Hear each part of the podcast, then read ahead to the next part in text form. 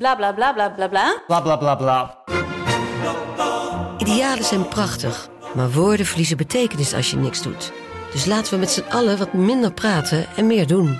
Bij Agmea zijn wij vast begonnen. Zo gaan wij voor minder verkeersslachtoffers, gezonde werknemers en duurzame woningen. Waar ga jij voor? Kijk op www.werkenbijagmea.nl Hey, ik snap dat je je podcast wil luisteren, dus ik zal het kort houden. Want als jij het belangrijk vindt om duurzame keuzes te maken, kan ASR misschien helpen. Nou hoor ik je denken, hoe dan? Nou, bijvoorbeeld bij het duurzaam herstellen van schade. Of de premies die we beleggen volgens ons duurzaam beleggingsbeleid. Dat bepaalt waar we wel en juist niet in investeren. Wil je meer weten over welke duurzame keuzes ASR maakt? Ga dan naar asr.nl slash duurzame keuzes. ASR doet het. Zo, dan kan je nu lekker naar je podcast luisteren.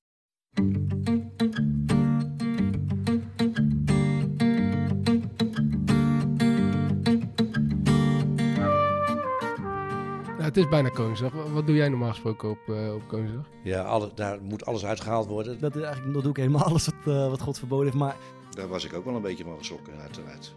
Dat is niet hoe het hoort, denk ik. Je moet ook niet overdrijven. ik heb ook een keer op het museumplein met zo'n 538-feest gestaan. Maar het, het, is het, het is het niet.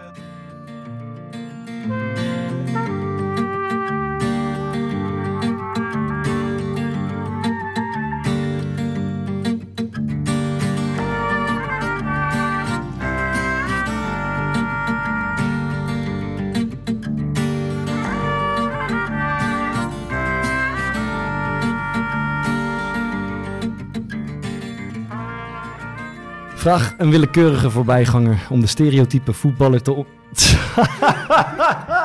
Wat? Ga door, ga door. Oké. Vraag een willekeurige voorbijganger om de stereotype voetballer te omschrijven.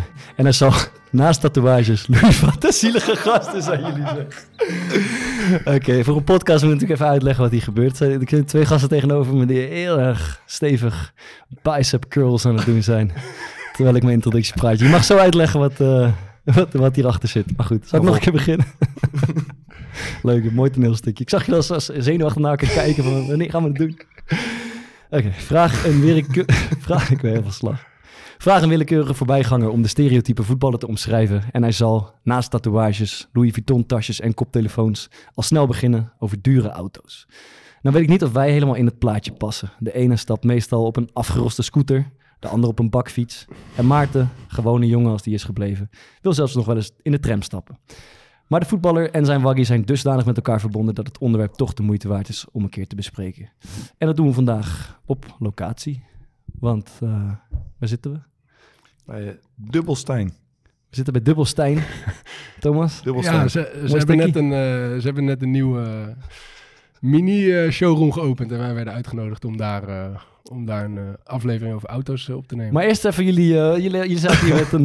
ja, wij hebben Ja, onze, wij onze, wij hebben dumbbells meegenomen. Maar ik denk dat jij het beter uit kan leggen dan... Ik heb gezien dat dat de nieuwe eh, vooravondtechniek is. Dat je dan zeg maar bicep curls doet terwijl je een gesprek Ja, wij vonden dat interview zo goed dat, dat we dachten... Ja, dat kan, dachten, dat kan wel gaan- eens aan die bicep curls liggen. Ja, dus we dachten misschien gaat hij dan eh goede vragen stellen als, als, als enige echte Ja. host van de, van de Core Want Podcast. jullie hebben het, om het even uit te leggen over het rubriekje wat ik doe voor de vooravond.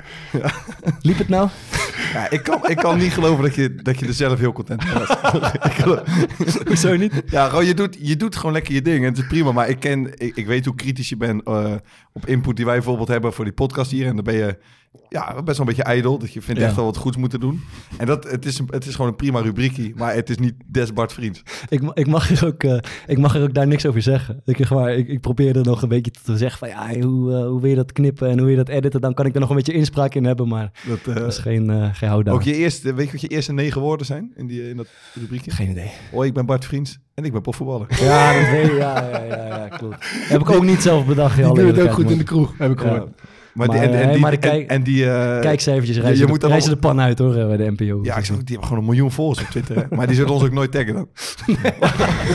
maar Dat zullen wij altijd maar hebben. ik, ik, op een gegeven moment, ja, ik kan ook, ik geloof echt niet dat het jouw koken komt. Dan moet je zeg maar, Nee. je bent dan met een schaatser, eh hoe, heet- hoe heet die? Sergio Joro. hij. jaar, leuk gozer verder. Ja. Ehm, die ga je dan tien stellingen of dilemma's zeg maar voorschotelen. maar dan moet hij dan moet hij wel in de zijwaartse plank liggen. Ja.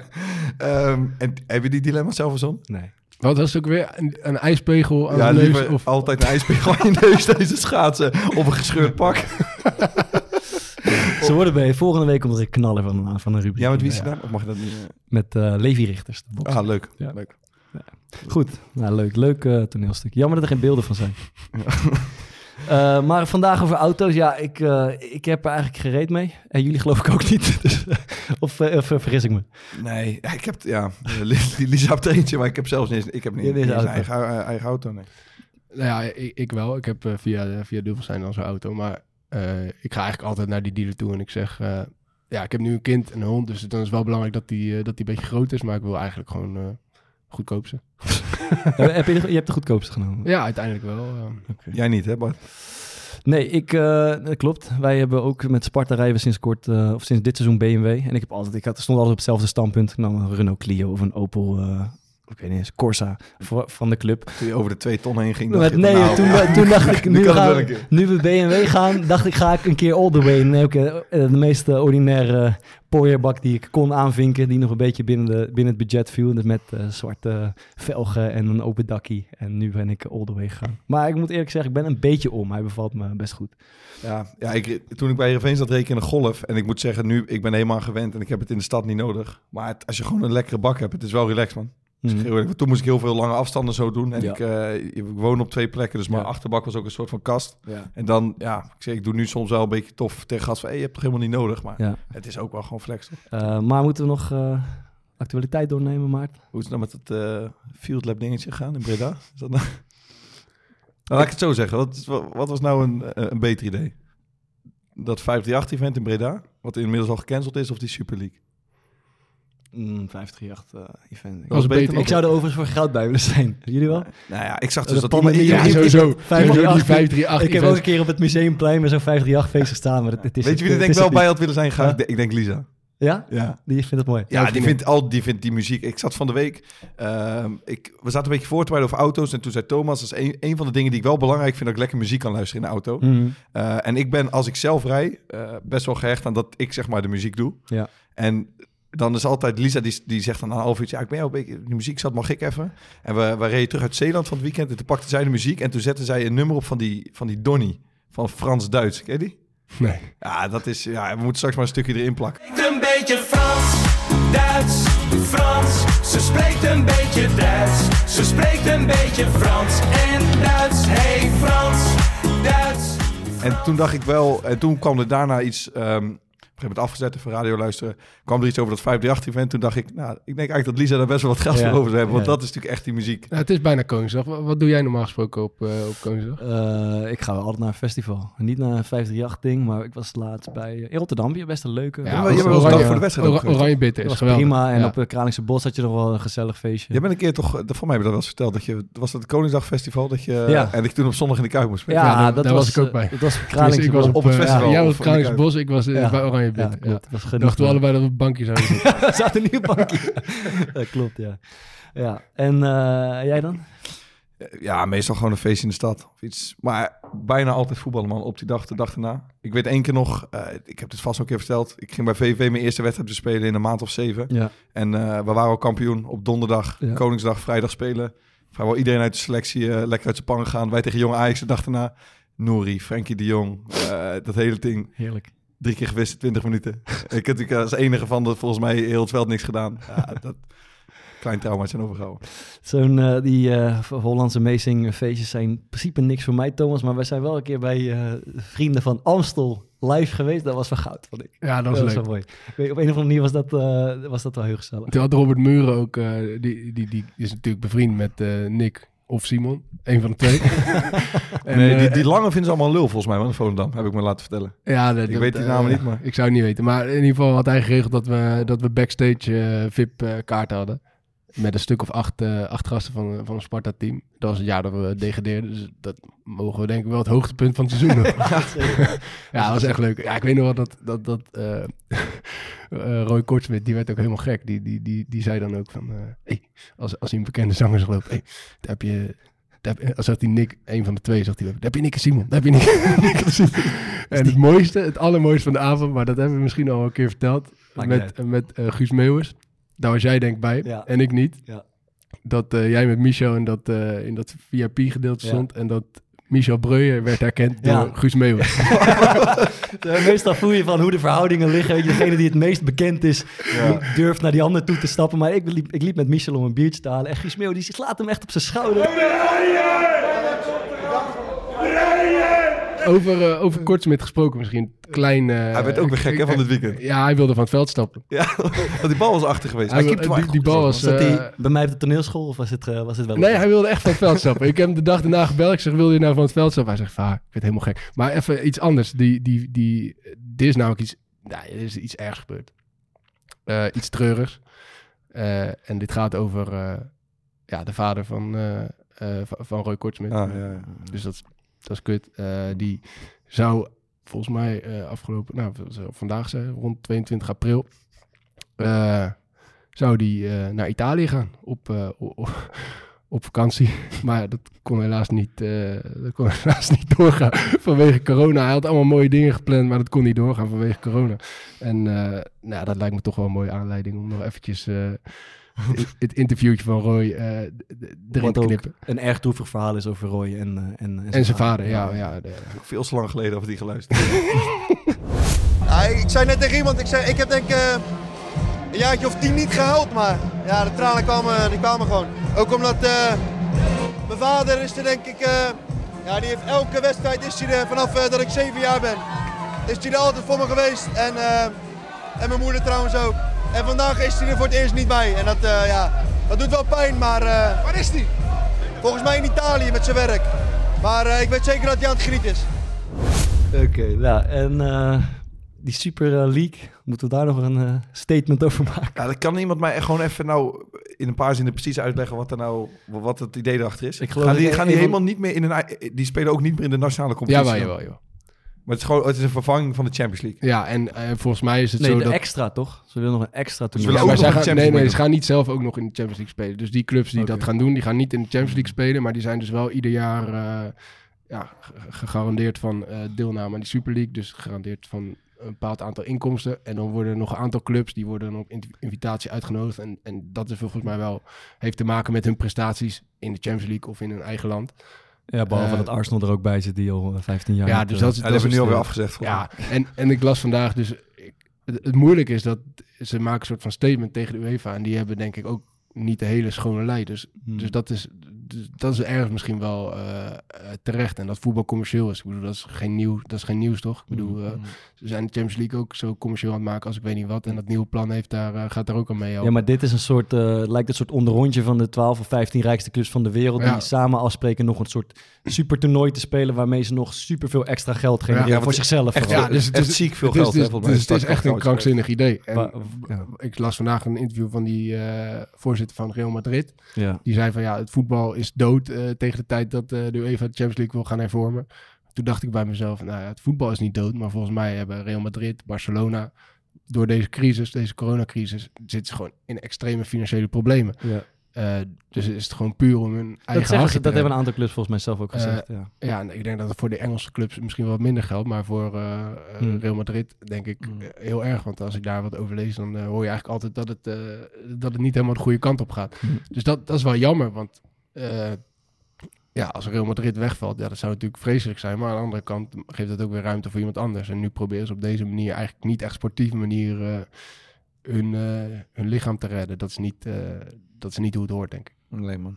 Maar aan de andere kant, iedereen die zich de, afschuw over uitspreekt, die moet ook begrijpen dat degene die kijken het meeste macht hebben. Ik bedoel, als het een gedrocht van een competitie wordt, ja, dan, dan, gaat het ook niet, dan gaat het ook niet echt lang leven. En als het nou een mooie competitie wordt, dan maakt het voor ons in principe niet zoveel uit. toch? Maar mensen gaan sowieso wel kijken naar dat soort topwedstrijden, toch? Ja, maar volgens, mij is, het- volgens mij is een van de problemen dat juist door dat soort clubs eh, trekken dan zoveel geld naar zich toe. En als ze dat dan afzet tegen wat de rest van hun nationale competitie verdient, dan Ja, worden die verschillen nog- alleen maar groter. ja.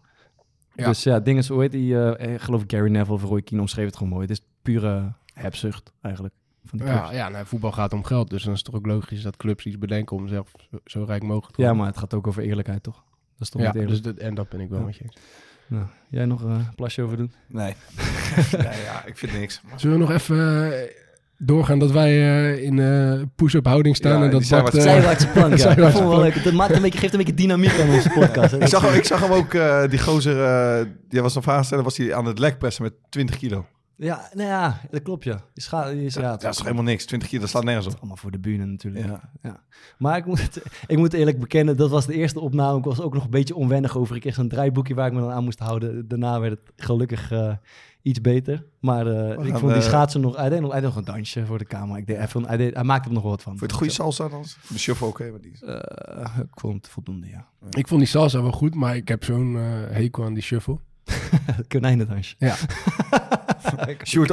Sjo- Sjoerd Overgoorde altijd. Ja, Dijkstra- ik weet nog de eerste keer dat ik met Sjoerd... Maar eh, Dijkstra ook. Maar Dijs kan ook Ja, goed ja, die dansen. kan ook. Beetje zelf type spelen, zelf, ja. Zelf type dansen. Maar de eerste keer van die blonde jongens die ineens best wel redelijk eh, k- blijken te kunnen dansen. Ik vind die, die, die shuffle ook niet... eh, geen poren, maar ze kunnen, ze Maar, kunnen maar, het wel. Sjo- maar Sjoerd eh, Thomas nog niet zien doen. identificeerde zich ook echt ermee. Die stelde zich voor, Ja. hij zei, Sjoerd, ja, ik ben een shuffelaar. Dat zei hij de eerste keer dat we uitgingen. Ja, hij ik heb wel altijd het idee, als ik iemand zo zie shuffelen, dan denk ik bij mezelf, dat heeft hij thuis voor de spiegel Ja, dat is waar, natuurlijk. Ja, en dan, dan, Dat is toch goed? Ja, dat is toch mooi? ja, dat is hartstikke mooi. Ik had even een idee voor een eenmalig eh rubriekje. Ja, ja, ja. Ik dacht, als we dan toch over auto's gaan hebben, eh, dan leek het me mooi om eh, te verzinnen welk duo je een autorit zou gunnen. Omdat als je een keer lang met z'n tweeën in de auto zit, dat is echt een moment dat je even goed over dingen kan praten. En je kan ook problemen uitpraten als je die hebt. Kan ook heel ongemakkelijk zijn als je elkaar niet kan luchten of zien. Dan uh, Ja. lange rit. Ja, dat kan je ook iemand gunnen. Ja. Ehm, maar ik dacht als... ehm, wie gun ik dat? Dacht ik Roel Jansen en Joey Coy. Heb je interviews gezien van Ik Roel heb het Jansen? gezien, ja. ja. Zullen we even luisteren? Ja, laten we een stuk kijken. He- Heb je daar nog naar gevraagd of dit ook echt rood is? En zo ja, waarom? Nee, ja, op zo'n moment ben je heel boos en eh, ja, dan valt ik niet te praten met de man. Dus eh, een heel arrogant ventje, dus eh, daar kun je toch niks mee. En eh, Wat maakt hem arrogant en waarom kun je niks met hem? ja, als je kijkt hoe hij de wedstrijden fluit, eh neem niet weg dat dit een hele domme fout is van mij hoor, maar eh, ja, hij fluit echt eh, voor, voor iedere scheet, voor, voor, voor tackles die op de bal zijn, die hij dan te hard vindt en eh, ja, lijkt wel zaalvoetbal. En als je er dan wat van zegt, dan krijg je gelijk een boze blik en ja, gaat hij dreigen om, om je kaarten te geven. Dus ja, dat is Joey Coy hè. Ja, jij vindt hem te autoritair. Ja. ja, deze jongen kan gewoon niet fluiten. Dat is gewoon, dat is gewoon verschrikkelijk. Ik heb meerdere wedstrijden van hem gezien, dat is gewoon dramatisch. Dit was uh, Roel Jansen van Fortuna Sittard. Ja, Fortuna. En Joey Coy is uh, scheidsrechter. Het publiek smult hiervan, denk ik. Ja, ik, ik, hou, ik, ik hou eerlijk gezegd niet zo van. Ik ook niet zo. en mij heeft het niet. En ik, ik, ik ken Roel Jansen, is gewoon een relaxed gozer. Maar hij is gewoon, ja, zo emotioneel waarschijnlijk ook op dit moment. Ook al zie je dat niet heel erg aan hem. Ja. Maar ik vind het altijd zo mooi. Dat herken ik uh, veel bij voetballers ook wel eens, bijvoorbeeld na wedstrijden. Dat ze dan um, eerst, zeg maar, heel veel dingen zeg maar, afschuiven. Dus kut scheidsrechter, ja. ik kan gewoon niet fluiten. En dan daarna, ja, neem natuurlijk niet weg dat ik een domme fout ja. maak. Maar dus dan neem je wel zeg maar schuld op je, maar je wilt eerst het dicht toch eigenlijk nog even iets meer aan Heeft hij een punt, Roel Jans? Ja, ik, ik ben geen fan van de, van de scheidsrechter Joey Coy. Dat, uh... ik, uh, ik, ik heb daar helemaal geen idee over. Ik, ik, kan me niet eens herinneren of ik ooit een wedstrijd van hem heb geloofd. Ik heb nooit zo heel erg iets Jij een wedstrijd van hem hebt of geloofd? dat, ja, dat, dat, dat, dat, ik heb geen idee. Maar is dat, is, ja. dat een, uh, is dat een Nou, ik, ik, weet wel dat veel, veel jongens in de... Ik heb een aantal teams gehad in de, in de eerste divisie de laatste jaren. Dus er zijn... Je, er zijn ook gewoon trainers die dan van tevoren zeggen... Let op, Joey Coy fluit fluit voor veel, uh, snel op zijn op pikje getrapt. Weet je, let daarop. Dat, uh... Ik vind dat van uh, onze beste scheidsrechter ook trouwens, Björn Kuipers. Ja. Daar kan je ook, kan je ook geen makkelijk gesprek mee voeren. Nee, nee, ik weet dat, dat Björn Kuipers zei een keer tegen, tegen Joey van den Berg voor de wedstrijd. Zei, ik, ik heb ze hem jou vandaag geld gegeven. Ja, dus ja, ook, okay. dat, het is allemaal van die... Ja, ik heb deze ervaring niet met die uh, Joey Coy, maar ja, jij, ja, ik, kan, nou, ik kan wel begrijpen. Tenminste, ja, weet je, kijk, scheidsrechters maken fouten en sommige scheidsrechters die fluiten sneller. Dat, dat is allemaal prima. Dat hoort, dat hoort mm. denk ik gewoon bij, uh, bij identiteit van een scheidsrechter. Maar uh, je, kan, je kan in principe gewoon tegelijkertijd de baas zijn van, uh, van het spel, maar ja. ook gewoon relaxen naar spelers. Ja, en er zijn genoeg nou, scheidsrechters die dat, uh, die dat gewoon kunnen. En ja. dat is denk ik voor voetballers veel ja. uh, relaxter. En, en in dat geval worden fouten denk ik ook veel eerder uh, gewoon geaccepteerd. Ja. Ik bedoel, Zeker, ja. Uh, ik, ja, er waren een paar en ik heb hem niet zo heel vaak gehad. Dus dat, dat, maar ik weet wel dat, dat inderdaad heel veel mensen dat over hem zeggen, dat ze hem gewoon niet relaxed vinden.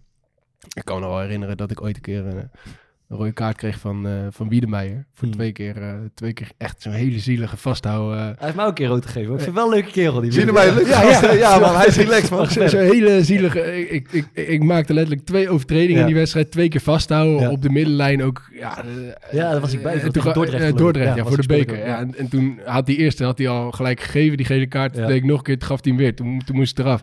En, eh, en ik was best wel boos daarover. En eh, toen die wedstrijd daarop, twee weken later of zo, toen eh, moest ik tegen Heerenveen thuis. Toen was hij weer scheidsrechter.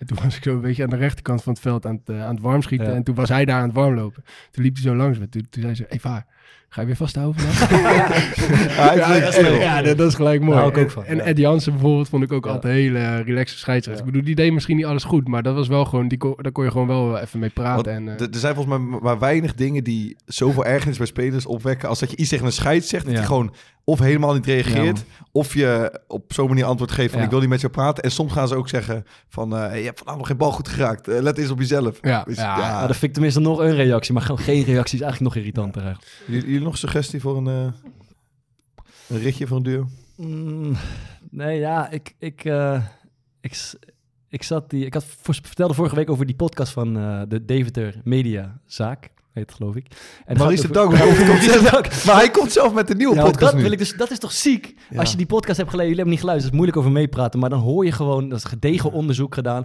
Maurice de Hond Ja, komt daar echt heel slecht uit. Had een foto van Google Maps eh, gehaald weer vandaag als tegenbewijs. Maar je zou dus, als je dat eens hoort, dan zou je toch denken, dit is even een plekje, dit is, ik, ben nu even, moet nu even stil zijn, of mijn excuus aanbieden, of in ieder geval laat het even voorbij eh, eh, gaan. En nu zie ik vandaag dat hij tweet dat hij bezig is met een podcast om opnieuw zijn punt te maken. Ja, dat vind ik wel heel eh, brutaal. Dus ik weet niet met wie Maurice de Hond in de auto Misschien in moet, zijn maar eentje, gewoon iemand even een moet even- rit. Iemand moet hem even vertellen dat er iets, eh Maurice iets niet de Dagoe. klopt. De Dagoe, ja. Baden toch nog steeds. Misschien Maurice de Dag en Thomas Vaar. Want dat zat ook niet helemaal lekker. Want... Nee, ja, hij- hij- ik stelde hem een vraag. We hadden een heel kort gesprekje en toen, eh, toen zei hij iets en toen stelde ik hem nog een vraag. En toen liep hij gewoon eh, weg zonder iets te zeggen. Hij, maar hij is, hij is doof, Ja, hij is doof, denk ik, doof. Dat zou kunnen. Ja, hij liep ook, of hij vertelde wel... wat- Maurice, Maurice de Dago en Mario Meijer dan samen in de auto. Dat ook leuk. Dan krijg je twee van die schreeuwlelijken. Zullen we daar wel laten dan? Dan eh, moeten we naar, eh, naar auto's. We zitten niet voor niets bij Dubbelstein. Maar auto's en voetballers is wel een combinatie waar, waar denk ik veel over te zeggen is. Eh, hebben jullie, wat is jullie eerste auto Eh, Volkswagen Polo. van de club? Ja, was, was gloednieuw. Was wel heel wat mannetje. Ik had een Golf 3. Groen-blauwe. ik was eh ja of denk 19 en ik, op een gegeven moment had ik een auto nodig. En toen Leon de Kogel, heb jij ook mee gespeeld? Ja, ja. Die, eh, ik was een beetje op zoek naar een auto, maar ik had niet zoveel geld. Ik had niet zo'n hoog budget. En hij verkocht een auto waar hij in reed. En het was echt zo. En het was dus een Golf 3. eh, echt zo'n, hoe heet dat, uit Maaskantje, die gasten. ja. New Kids uh. Eh, en die, eh, die kocht ik van hem voor 750 eh, euro. En ik weet nog dat ik, we gingen samen die overschrijving doen. En ik reed naar huis van, van Houten, waar hij woonde, naar Amersfoort. En ik was nog niet in Amersfoort gekomen en die auto hield ermee op. ja, echt. dus ik, ik belde gelijk Leon op. Heb, heb je me nou genaaid of niet? Maar hij, hij was van geen kwaad bewust. Maar dat was mijn eerste ervaring met mijn eigen auto. En toen moest ik twee weken later ging naar, naar Go Ahead. En toen eh reed ik dus in dat groene autootje. Eh, en ik speelde, we speelden een oefenwedstrijd. eh, bij Vitesse was de eerste oefenwedstrijd. En we gingen met eigen vervoer daarheen. Dus ik reed in dat autootje in die stoet. En halverwege de snelweg kreeg ik een, een le- lekker band. Nee, ik heb ooit een keer een auto overgenomen van de, de vader van mijn oom. En, eh, van, eh, dus, de- dus dat is... eh, je, je opa. Zo, nee, nee, die oom die, die is dus Ah, met, mijn, eh, met, met mijn tante. Ja. En, eh, en, en die had nog een oude Toyota over. En toen kwam op een gegeven moment de vraag of iemand die wilde hebben. Nou, ik wilde hem wel hebben. Dat was, die was inmiddels al zo oud dat die ook officieel oldtimer was, die auto. Dus daar hoefde ik geen wegenbelasting voor te betalen. Dat En dat was nog wel een doe-het-zelver. Die had Ja. een... eh, Je hebt hem zelf gemaakt. nou, die, die, die had iets gedaan met de startonderbreking of zo. Dat je de sleutel in contact moest eh, stoppen. Ja. En dan kon je via zo'n zwart kastje met zo'n witte deurbel erop... kon je de auto starten. Ja, dat is geweldig. En daar heb ik... eh, Dat zou hij altijd weer hebben. Zo. vlak voordat ik naar Sparta ging, eh, reed ik daarin. Jij reed ook op een heel oud, eh staan we een heel oud Vespaatje. Zo'n zo in de jaren 60 of jaren 70 ja, Italiaans die- tijd. die, Dat is die, ik- die, die was ook gewoon helemaal gerenoveerd. Dus maar die dat had ook zo'n rare uh, draaitrapsysteem om Ja, aan dat is gewoon schakel, schakelbron. Ja. Ja, dat is wel een beetje in lijn met de eerste auto die je had. Eigenlijk. Ja, ja, wel een beetje. Heb, heb, hebben jullie trouwens ook gehad dat je dan in het begin hou je net je, eh, je rijbewijs. En dan moet je gaan rijden. Maar dan moet je best wel vaak bijvoorbeeld teamgenoten meenemen. Maar er zit, zit er een beetje druk op en je kan nog niet zo heel goed rijden. Heb je dat, heb, ken je dat gevoel? Nee. Nee? Oh, ik Ik wel. had wel, ik had wel, ik dat had- wel- Ja, gaan we. eh, toen, toen ik bij Willem II speelde, toen eh, hadden we een stuk of zes jongens die allemaal in Rotterdam woonden. En mijn vader, die, eh, die, die was toen een tijd dirigent van een, eh, van een kinderkoor. En die had voor dat kinderkoor had hij zo'n eh, zo'n grote, best wel oude eh, bus. En die had hij helemaal laten coaten in fel oranje. En dan stond daarop, stond daarop eh www.kkprettigweekend.nl. En KK staat dan voor, staat dan voor kinderkoor. Dat, dat, dat, dat, begreep niet iedereen, zeg maar. en, en dan ging ik gewoon in, die, in zo'n zo'n tering grote oranje bus, fel oranje, gi- ging ik iedereen ophalen. Eh, en dan gingen we met z'n zessen zaten we in die bus. En dan reed ik naar, eh, naar Tilburg en dan reden we daarna weer, eh, reden we daarna weer terug. Dat was een wereldtijd. Maar Maar was, je, was jij niet ook een tijdje de chauffeur van de Virgil van Dijk? Stond erbij? ja, dat was, dat, was, dat was in die tijd. Ja, die, die, Zou die nog eh, kennen? Die, missen, die missen nog wel eens de trein eh, vanuit Breda naar, eh, naar Tilburg. En dan werden we weer gebeld of we hem ook nog even op konden Met pikken. het oranje op, eh, bussie. Ja, ja, dat, ja dat, was, dat moet ook met dat oranje busje zijn geweest. Ja. Dus eh, nou, dat waren gouden tijden. Dat was een heel illegaal busje hoor. Eh, wij vragen ons toch af, zou Virgil van Dijk Thomas Waar nog kennen? Ja, Ik denk het niet. ik, ik hoop het wel. Ja, ik, heb hem, maar- ik heb hem na onze Willem II-tijd eh, nooit meer gesproken.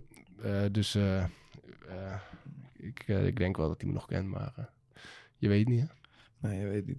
Ja, we hadden dus bij, bij Heerenveen in de voorbereiding, dan, dan, dat hebben we wel, bij Go Ahead hebben we dat ook, dan train je zeg maar op een ander complex. En eh, ik had relatief laat mijn- mijn rijbewijs, want ik deed zeg maar les in Rotterdam. Ja. En toen ging ik over naar Heerenveen. Ehm, maar ja, toen stopte ik even, en noem maar op. En uiteindelijk had dus iedereen al van mijn leeftijd zijn rijbewijs. En ik had nog geen auto, ging ik ook met de fiets naar de club en allemaal met de trein naar Rotterdam, mijn kut.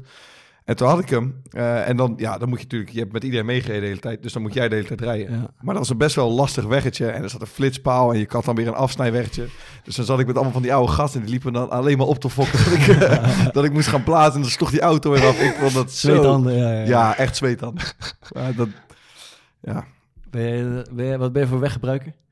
ik ben, ik ben echt rustig gereden, man. Ik krijg het echt heel relaxed. Thomas ook, denk ik. Nou, ik ben wel boete pakken. Ja, jij, bent, jij, bent, jij bent een wegpiraat, Bart. Ja, ik ben een redelijk asociale...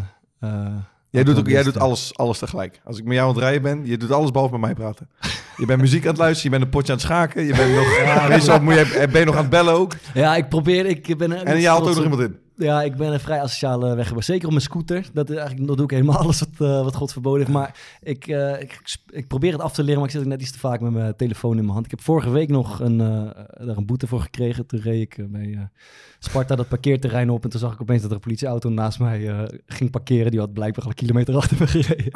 en die stapte uit en, ik, en, en die, die had dus gezien dat ik op een kruispunt met mijn, met mijn telefoon zat. Dure grap, 280 euro of zo. Dan hoop je ook nog, ik had, ik had het eh, Sparta pak aan, want we hadden een wedstrijd. Dan Die zegt het, het eerste wat hij zei was, eh, heb je een wedstrijd, speel je bij Sparta? Heb je een wedstrijd zo? Ik dacht, ja, dan hoop je nog dat het een soort van Sparta-fan is, dat hij door, door de vingers ziet. Hoi, ik maar, ben eh, Bart Vries en ik ben profvoetballer.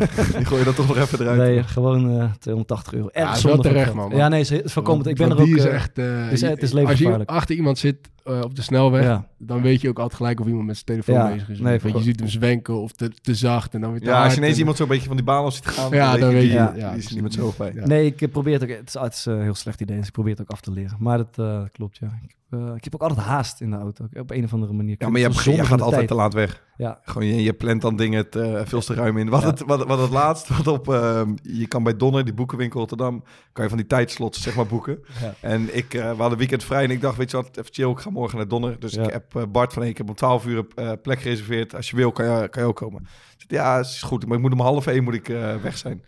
En had hij blijkbaar weer een weekend weg met Laura ingepland. Maar moest je om kwart over twaalf thuis zijn. En wij lopen om vijf over twaalf zo die donder in. Dus we, zijn, er- we zitten daar nog geen tien minuten. En dan wordt hij weer, eh, en dan wordt hij alweer gebeld. En dan hoor je best wel luide stem aan die andere kant. En dan, eh, ja, ja, is goed. Ja. Nee, ik, ik kom zo. Half één, oh, kwart over twaalf. Ja, ja, is goed. Hij heeft dan weer alles door elkaar gepland. Ja, klopt. Ik Ja, ga- zo rij je ook een beetje. Ja, dat is wel zo. Ik heb wel een heel optimistisch beeld van, eh, van, de, van het tijdschema, maar het komt, komt nooit goed uit. Ja. Wie is de, wie is de, wie is de eh, grootste wegpiraten met wie jullie hebben Ja, ik heb het verhaal verteld van Jeroen Loemel. Ik wil nog één keer horen. Dat echt, ja. Dat was dus die tijd dat ik dat... Ik, ik had het rijbewijs nog niet. Ik had mijn rijbewijs nog niet. Ja. En eh eh, Loemoe zegt, die woont in Breda. Ja. Dus die zei tegen mij, weet je wat, eh, ik kan je wel naar Breda brengen. Kan je vanaf daar met de trein. Of, of hij zet hem in Rotterdam zelfs. Ja. Is goed, dus nou, ik naar het hotel waar hij zat. Iets van anderhalf uur gewacht voor dat hotel in de zon. Omdat hij, eh, was die, sorry bro, ik was even slaapgevallen. Dus wij daar naar terug. Nou, ik denk, ik denk dat we eh, in een uur en tien minuten in Breda waren. Gozer reed 170 gemiddeld. Echt, die mist die bijna afslag. Ja, Keeper die nog even drie rijstroken naar rechts. Niet normaal, eh, heel pakje weggerookt. Ook tijdens die rit. Vind je het goed als ik rook? Ja, is goed. En een week daarna zien we lopen met een paar gasten in de stad. Bij- Of in de stad, dorp, bij Heerenveen. En dan zien we een lesauto op de rotonde met Jeroen Loemoe erin. Hij had gewoon, die had zijn rijbewijs dus achteraf gekocht in, eh, in Bulgarije. Had hij bij zijn BMW X7 gekregen. En ja, toch lekker? ja, dat was wel de... Hij, kreeg, hij is uiteindelijk ook toen geschorst en weggestuurd. Want Ja. dan kreeg hij volgens mij zijn... Het is zijn derde officiële waarschuwing in vier weken. Zat erop. Maar eh, ja, ik, j- jij rijdt redelijk wild, Bart. Maar dit was wel... eh, dit was echt kamikaze. Jij, dan, je, hebt, je hebt wat poeten, zei. Nee, ik moet mezelf, eh, denk ik, eh, als grootste wegpiraat... eh, want ja, ik heb, Oh, eh, ik heb, slaap, ik heb slaapstoornis. Ik kan, Ja, dat is even, niet- even tussendoor over die slaapstoel. Ik kan van de week weer iemand... tegen- Ik weet niet wie het was. Ja, ik luister die podcast. Hey, die van haar... Ik zweer het, zeg tegen hem, die moet zich laten helpen. Dat is levensgevaarlijk. Ja, dat, Nee, ja, die begon de- daar weer over. Het, het is niet levensgevaarlijk, want ik weet denk vrij goed hoe ik ermee om moet gaan. Maar bijvoorbeeld laatst moesten wij naar afkicken. En toen zat ik in de auto en, en ik voel gewoon dat ik een beetje moe word. Dus dan ga ik gewoon, nou, het, ik denk dat het nog geen 10 minuten is. Eh, even langs de weg staan. Precies, val ik in slaap, word ik weer wakker en dan kan ik gewoon weer, eh, ben ik gewoon weer zo scherp Dat als moet toch wel een keer bijna mis aan gaan. Ik ken het zelf ook wel eens als ik gewoon heel moe ben en ik ga rijden. Maar die verleiding om je oog te sluiten is zo sterk. Maar dat, moet dat moet toch... Dat, Tim, Tim Reserveur had daar iets op verzonnen, zei Wat hij dan? zelf. Dan deed hij zo zijn hand voor één oog. dan zei hij, dan geef ik één oog rust. heb ik ook wel eens... Ik denk, misschien heeft hij wel de maling genomen, want dat werkt helemaal niet. Eh, nee, nee, dus het is nog nooit echt gevaarlijk. dus je hebt, vanaf de eerste keer dat je dat had, dacht je al van... Nou, ik begin nu moe te worden, laat ik verstandig en mijn auto langs Ja. de weg zetten en even eh, slapen. Ja, er er is niks zo vervelend als vechten tegen je sla- Ik had al redelijk wat ervaringen in, eh, in klassen en eh, colleges. Dus ik wist al, ik wist al dat dat een gevecht eh, zou worden wat ik niet ging winnen. Je vertelt net dat het in slaap vallen. Kenny Thijs heeft het ook een keer gehad, onderweg van Deventer naar Amsterdam. En die heeft die hele vangrail aan gort gereden. Dus echt, die, heeft, die, die viel dus in slaap op de snelweg. En dat, was, dat is levensgevaarlijk als, je, als, je er gewoon, als je eraan toegeeft. En eh, hij liet zijn auto zien, die hele linkerkant was naar de tering, spiegel eraf gevlogen en alles. Hij is zich wild geschrokken. Dus die, eh, ja, die, volgens mij had hij sindsdien ook bedacht dat hij, zeg maar, als je dan twee zware trainingen en het zonnetje staat een beetje laag, zo dat hij dan niet meer ging rijden. Of hij ging eerst even slapen voordat hij ging rijden of zo. Ja, Dus heel verstandig. dat- ja. Ik zit te denken, je, je had, je had op een gegeven moment eh, een aantal jaar geleden, Vaar, misschien weet jij nog, dat je bij Dordrecht een team. Maar dat was echt een bij elkaar geraapt zooitje. Het was dat de gozer die ik was net vrijgekomen. En zat zeg maar iedereen die al afgeschreven was, die gaf ze nog een kans. Maar dat was, ik, ik kom even niet op Ja, dat heeft Jeff, heeft Jeff verteld. Ja, die, die, die was in slaap gevallen voor ja, het stoplicht. eh, van Emmen, hoe heet die, eh, die Colombiaan? Le- Lima. Was dat Nee, eh, Michael Chacon? Ja, ja, die was volgens mij in slaap gevallen voor het stoplicht. Voor een rood stoplicht was hij in slaap gevallen. En toen werden ze op een gegeven moment gewekt door... En die andere jongens die in die auto waren, die, die sliepen al. En toen zijn ze gewekt door de politie. volgens mij zoiets. Die, eh, Geen ja, water gedronken. Dan Ja, mooi. mooi zie je het voor je, dat je bij het stoplicht staat en ik slaap. Dat is die beste. Ja, wij, hadden wel, wij speelden samen met eh, eh, Fred Friday. Bij Ja. En ik weet nog dat we in de, eh, in de spelersbus waren. En de, ik zat naast hem, een stoel verderop. En onze teammanager die, die kwam naar hem toe, een beetje schoorvoetend van... ik heb, eh, ik heb een beetje een vervelende boodschap voor je. En die kwam met een, een stapel brieven aan. Had hij geloof ik voor, weet ik veel, 2500 euro aan, eh, aan boetes gekregen. En allemaal op hetzelfde traject tussen Amsterdam en Rotterdam. En dat is twee keer trajectcontrole of zo. Dus ik dacht eigenlijk van ja, die zal zich wel wild schrikken of denken van kut, dat heb ik gedaan. Maar die, die, die nam het echt zo schouderophalend aan. Ik had zelfs het idee dat hij het bewust deed. Ja, hij is echt de raarste gozer met wie ik ooit heb gespeeld. Ja, Fred. Friday. Daar was gewoon geen contact mee te krijgen. nee, dat klopt. Maar die, had, die wist dus ook niet dat het trajectcontrole Ja, bestond. ik had, ik had zelfs het idee dat het hem gewoon niet kon schelen. Dat hij dus wel wist, maar dat hij gewoon doorreed. Dat hij het gewoon dat het niks kon schelen. echt ziek. Maar ik zou ervan schrikken toch als je zo denkt, kut man, ik heb 25 2500, dan, dan moet ik geld overmaken. Ik zelf zo, dan krijg ik een tikkie. ja. Hebben jullie wel eens een kla- klappertje gemaakt? Nee, niet, eh, niet dat ik weet. Maar ik kan me wel herinneren dat we in seizoen 1 een keer een verhaaltje hebben gehad van een, eh, een vriend van de podcast die een goede klap heeft gemaakt. Dus misschien is het leuk om eh, daar nog een keertje naar te luisteren. Wouter Burger, there he is. Nou ja, ik kwam eh, op mijn 17-jarige 17 leeftijd bij de selectie van Feyenoord. En ik had natuurlijk nog geen, geen rijbewijs. En ja, in het begin was het natuurlijk allemaal, allemaal heel spannend. Je staat met jongens waar je normaal naar ging kijken, sta je op het veld. En ja, dat was gewoon even aanpassen. Nou, en ik had geluk altijd als ik naar de training ging, dat ik met Bart Nieuwkoop kon meerijden. Dus ik zat elke ochtend lekker naast hem in de auto. En eh, ja, op een gegeven moment hadden we het ook over rijbewijs. En eh, hij vond wel tijd dat ik ging beginnen. Dus eh, ja, ik, op een gegeven moment de dag voor mijn eerste rijles een rondje met hem gereden op de parkeerplaats. Mocht ik rijden, weet je wel, gewoon in zijn vrij, in een automaatje. Gewoon een beetje sturen, stelde niet zoveel voor, maar ik vond het natuurlijk helemaal bijzonder. En toen in die, die dag erna had ik mijn eerste rijles gehad. En vroeg Bart die dag erna of ik eh, nog een keer een rondje zijn auto wilde rijden. Dus ik zei, ja, is goed. Nou, ik had net bij mijn rijles geleerd dat als je door de bocht kwam, dat je een beetje gas bij moest doen. Dus ik uh, rijd op die parkeerplaats, kom het bochtje door en ik geef een beetje gas bij. Maar uh, ja, ik had nog nooit een automaat echt gereden, dus hij schoot vooruit. En ja, ik gewoon kortsluiting in mijn hoofd en ik wist niet wat ik moest doen. En Bart zo rem en op het allerlaatste rem ik. Maar ja, toen was het al te laat. En toen zat ik vol op, uh, op een van de, van de auto's van de club. En wij uitstappen en natuurlijk allebei geschrokken. En uh, ja, kijken, kijken. Nou, allebei de lampen helemaal kapot. De bumper helemaal kapot. Dus toen was het erachter komen wie's auto het was. En dat Bart al snel door dat het de auto van Robin was. Want iedereen had, zijn klei, had altijd zijn eigen parkeerplek. Dus um, ja, toen moest ik het binnen gaan vertellen. Dus ik wacht in die kleedkamer en ja, hij komt binnen. Ik zeg, ja Rob, moet je iets vertellen? Ik zeg, ik ging net even met Bart een rondje rijden op de. Ik zeg, ik heb, ben vol op je auto heen gereden dus hij, hij moest gelukkig erom lachen en hij, ja, ik zag er de lol wel van in. En ja, dat luchtte wij natuurlijk wel op, want ik, ik was echt bang dat hij natuurlijk boos zou worden. Niet dat hij zo'n persoon is, maar ja, je weet niet hoe iemand reageert als tegen zijn auto was gereden. Ja, laten we het hebben over iets wat ons nader aan het hart ligt. Misschien elektrisch rijden duurzaamheid, anders omgaan met uh, auto's. En hebben we toch even wat iemand, minder rijden. Wat minder rijden, zeker. Ja. En dan hebben we toch iemand uh, nodig die dat misschien iets beter kan toelichten. We zitten namelijk bij Dubbelstein. Steven van Dijk. Van Dubbelstein. Van Dubbelstein. Moet Fijn dat jullie die naam noemen. Hadden we niet afgesproken. Dubbelstein. Want jullie, als, jullie zijn bijvoorbeeld bezig met een project om mobiliteit een beetje anders in te delen, als ik het goed begrijp. Kan je er iets over vertellen? Ja, ik kan, ik kan er iets over vertellen. Um, je, ziet gewoon heel veel dingen veranderen op het gebied van mobiliteit. En dat is onder andere ook door corona gekomen. Of je nou de jongere generatie tot, laten we zeggen, 30, die eigenlijk opgroeit met gebruik in plaats van bezit. Maar ook, uh, noemen we dan maar even de grotere bedrijven, corporates. Dat zijn ook bedrijven die nu mensen thuis hebben zitten met leasecontracten. Nee, wij, wij proberen daar wel op in te spelen. En uh, wij zijn aan het kijken hoe we dat het beste kunnen doen. Uh, als je auto's, hè, aan de ene kant probeer ik zoveel mogelijk auto's te verkopen, vooral in die zakelijke markt. Aan de andere kant ja, moeten we ook meegaan in, in, in de trend die nu plaatsvindt.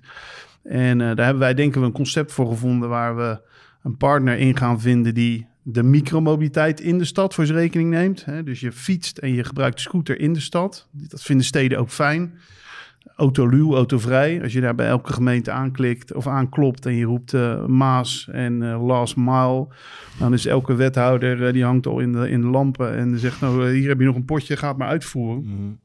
Dus waar wij naar kijken is eigenlijk in de stad hè, gebruik je die micromobiliteit en buiten de stof aan de rand van de stad ga je dadelijk van stad naar stad met een deelauto.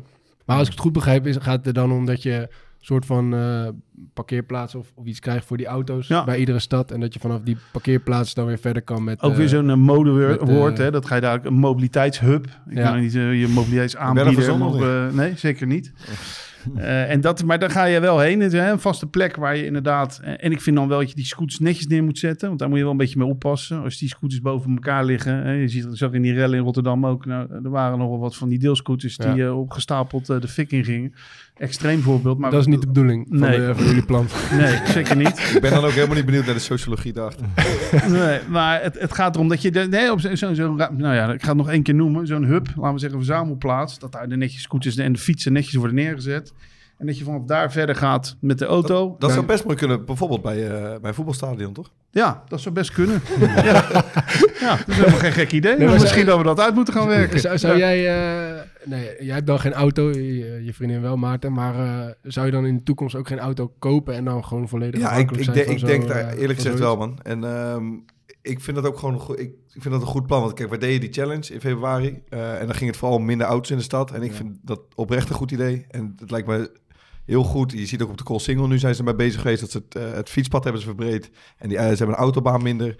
Eh, en volgens mij zou zoiets daar best wel aan bijdragen. Vind ik, eh, los van dat het rijden in de stad echt een crime is, Ja. met alle stoplichten en files, is het ook, soms als ik naar bijvoorbeeld eh, Amsterdamse grachten kijk, hoe zonde is het eigenlijk dat daar al die auto's maar stilstaan geparkeerd. Hoe, ik vind het een heel lelijk eh, voor het straatbeeld. Dus het zou wat mij betreft een heel goed idee zijn om dat soort dingen uit het centrum te weren en dan maar buiten de stad te En er parkeren. is ook zoveel, zoveel ruimte te wordt gebruikt voor parkeerplekken nu. Zoveel Dat is echt ruimte. niet normaal. Wat je er allemaal nog mee... Ja, we hadden het toen over... Je, je zou er natuurlijk parkjes, voetbalveldjes, dingetjes, wandelpaden, whatever voor, van, voor eh, Ja, Rotterdam is dan brengen. echt ook nog een soort van autostad. Ja, die, die is ja. gewoon ingericht. Helemaal om, ingericht, eh, na de- na de oorlog En dat, wordt nu, eh, dat wordt nu wel minder.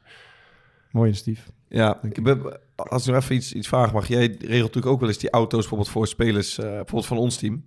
Ehm, en het, is best wel een, een, een grappig proces, want je hebt een, eh, ja, een soort keuzemenu van dingen die je kan kiezen. Ik heb het zelf eens, ik heb uiteindelijk geen auto genomen, maar wel een beetje naar gekeken.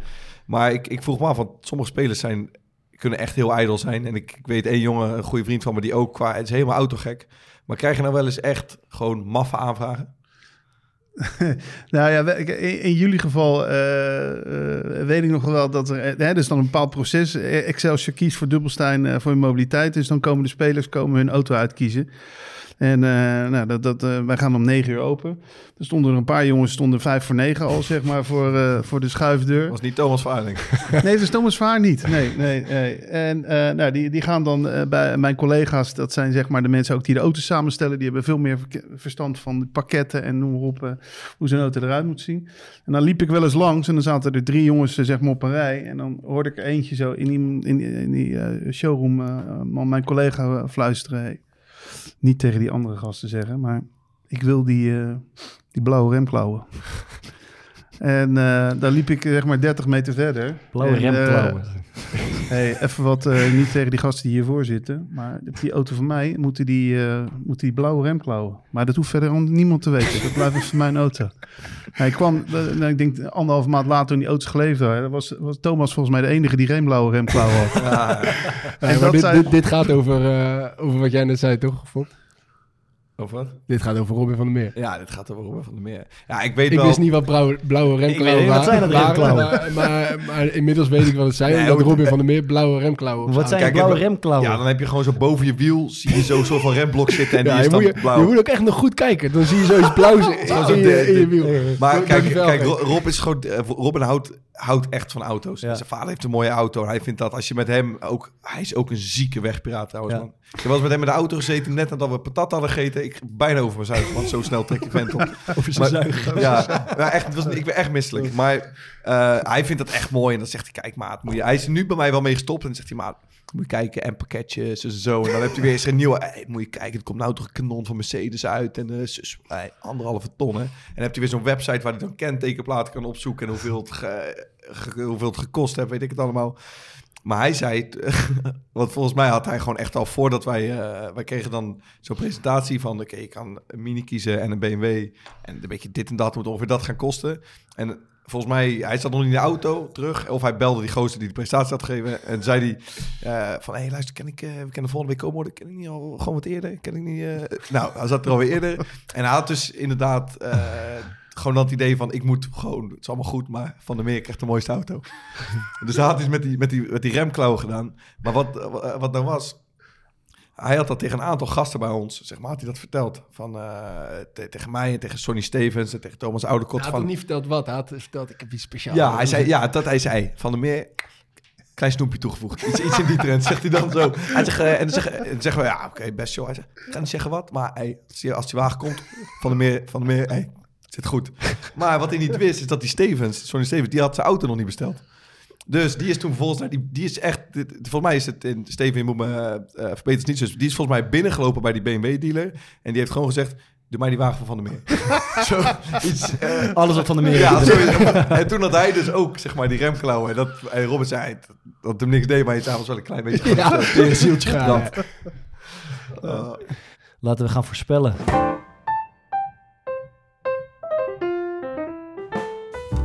Het voorspel. Voorspelspel. In het Easy Toys voorspel, voorspelspel denk ik dat wij moeten gaan voorspellen wat voor auto Thomas voor zichzelf eh, gaat moeten kopen. Want hij gaat er eentje kopen. Maar hij moet, hè, AFC, die zullen geen leasecontractje hebben. Hij moet eraan geloven. Ja. Ik- Fok, heb jij een idee? Ja, ik denk gewoon... eh pas goed bij zijn uitstraling. Thomas heeft een beetje een New Kids uitstraling, vind ik. Dus ik Golfie vind... 3 van mij, dat is nog Ja, erg. Nee, ik vind die, o- die open mantra. dat, dat leek mij, die open mantra van Rickert. Dat Heel leek mij wel een eh, hele mooi. geslaagde wagen voor Thomas. Ja, oké, leuk. Ik had eigenlijk ook geen idee. Ik heb even gezocht op eh, pr- praktische auto voor hond en eh, kind. En toen kwam eh, Kinderen. redelijk eh, kinderen. Kwam de Kia Soul, een beetje vierkant eh, autootje kwam, kwam uit. Er is- Ik heb tweedehands die 6000 euro. Ik denk dat is nog misschien te doen. Kan ook een eh, nieuwe Vespa verkopen in speciale minikleur. Kia Soul. hij, is, hij is een beetje vierkant. dit is het. Hij is, hij is vierkant, gemakkelijk. Ja, dat is, eh, alles past erin, To. Dus uh, Kia, Kiaatje Soul. Ga je het ermee doen? Ik, eh, ik- ja, ik heb echt geen idee. Ik, ik heb wel een beetje zitten kijken inderdaad. Ik ben van plan om een auto te kopen, maar... Wat is je budget? Een beetje? Anders kunnen, we- dan kunnen mensen... Misschien hebben we wel luisteraars die echt goed zijn met Oh, die, auto's. die een auto kwijt willen. ja, of een auto kwijt zou leuk willen. zijn, hè? Wat is je budget? ja, ik wilde toch niet meer eh, geld aan uitgeven dan 20.000 euro. God, Holy shit. Nee. Ja, ik vind het echt vreselijk. Het enige wat ik belangrijk vind is dat je, dat je muziek kan, kan draaien. Want eh, daar hou ik van als ik eh, stukken moet rijden. De, eh, dus dat je makkelijk je telefoon aansluit. Dan, ja, dat, dat, dat is volgens mij... Is wat te doen, toch? Ja. Ja. en dat, eh, dat de twee kinderen, een hond en... eh, eh, als het even kan, mijn vriendin ook nog erin past. maar dat is wel de, de laatste Ja, dat hoeft niet prioriteit. per se. De kinderen die honden en muziek. en dan nog bijrijden zoals de ruimte is. Nee, nee. Maar het komt vast goed.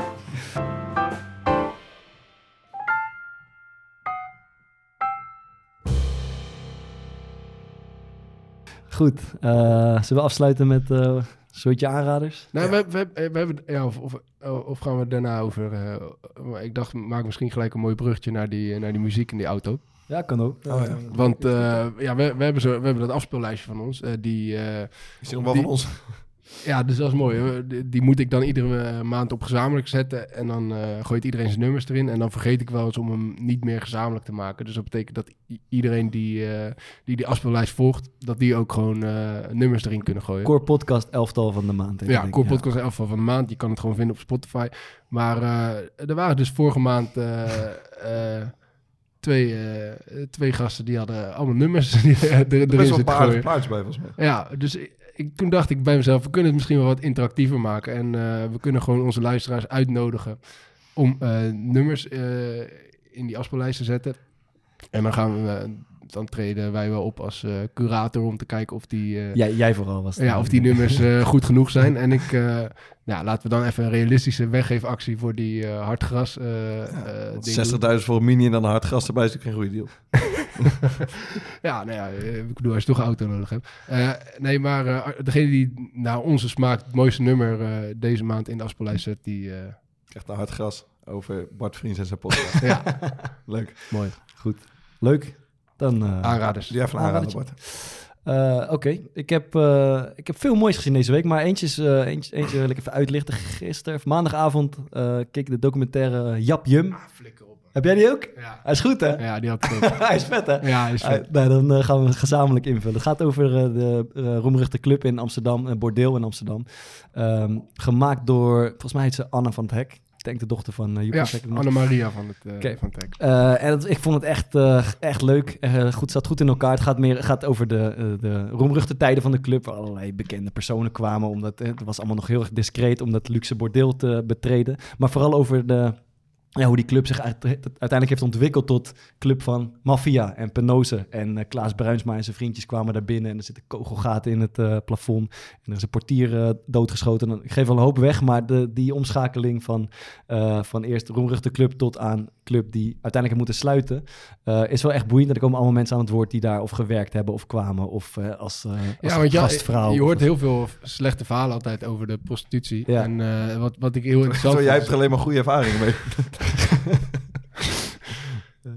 Ja, eh, nee, maar, eh, ja, Ehm, eh, maar voor, voor mijn gevoel was het gewoon eh, eh, een club zoals een, uh, een hoerentent uh, gerund zou moeten worden. Dat namelijk die meiden altijd wel beschermd werden. En dat idee kreeg ik wel, zeg maar. Dus Ja. dat, dat ze wel goed omgingen met, met hoe, hoe, ja, hoe de, Ja.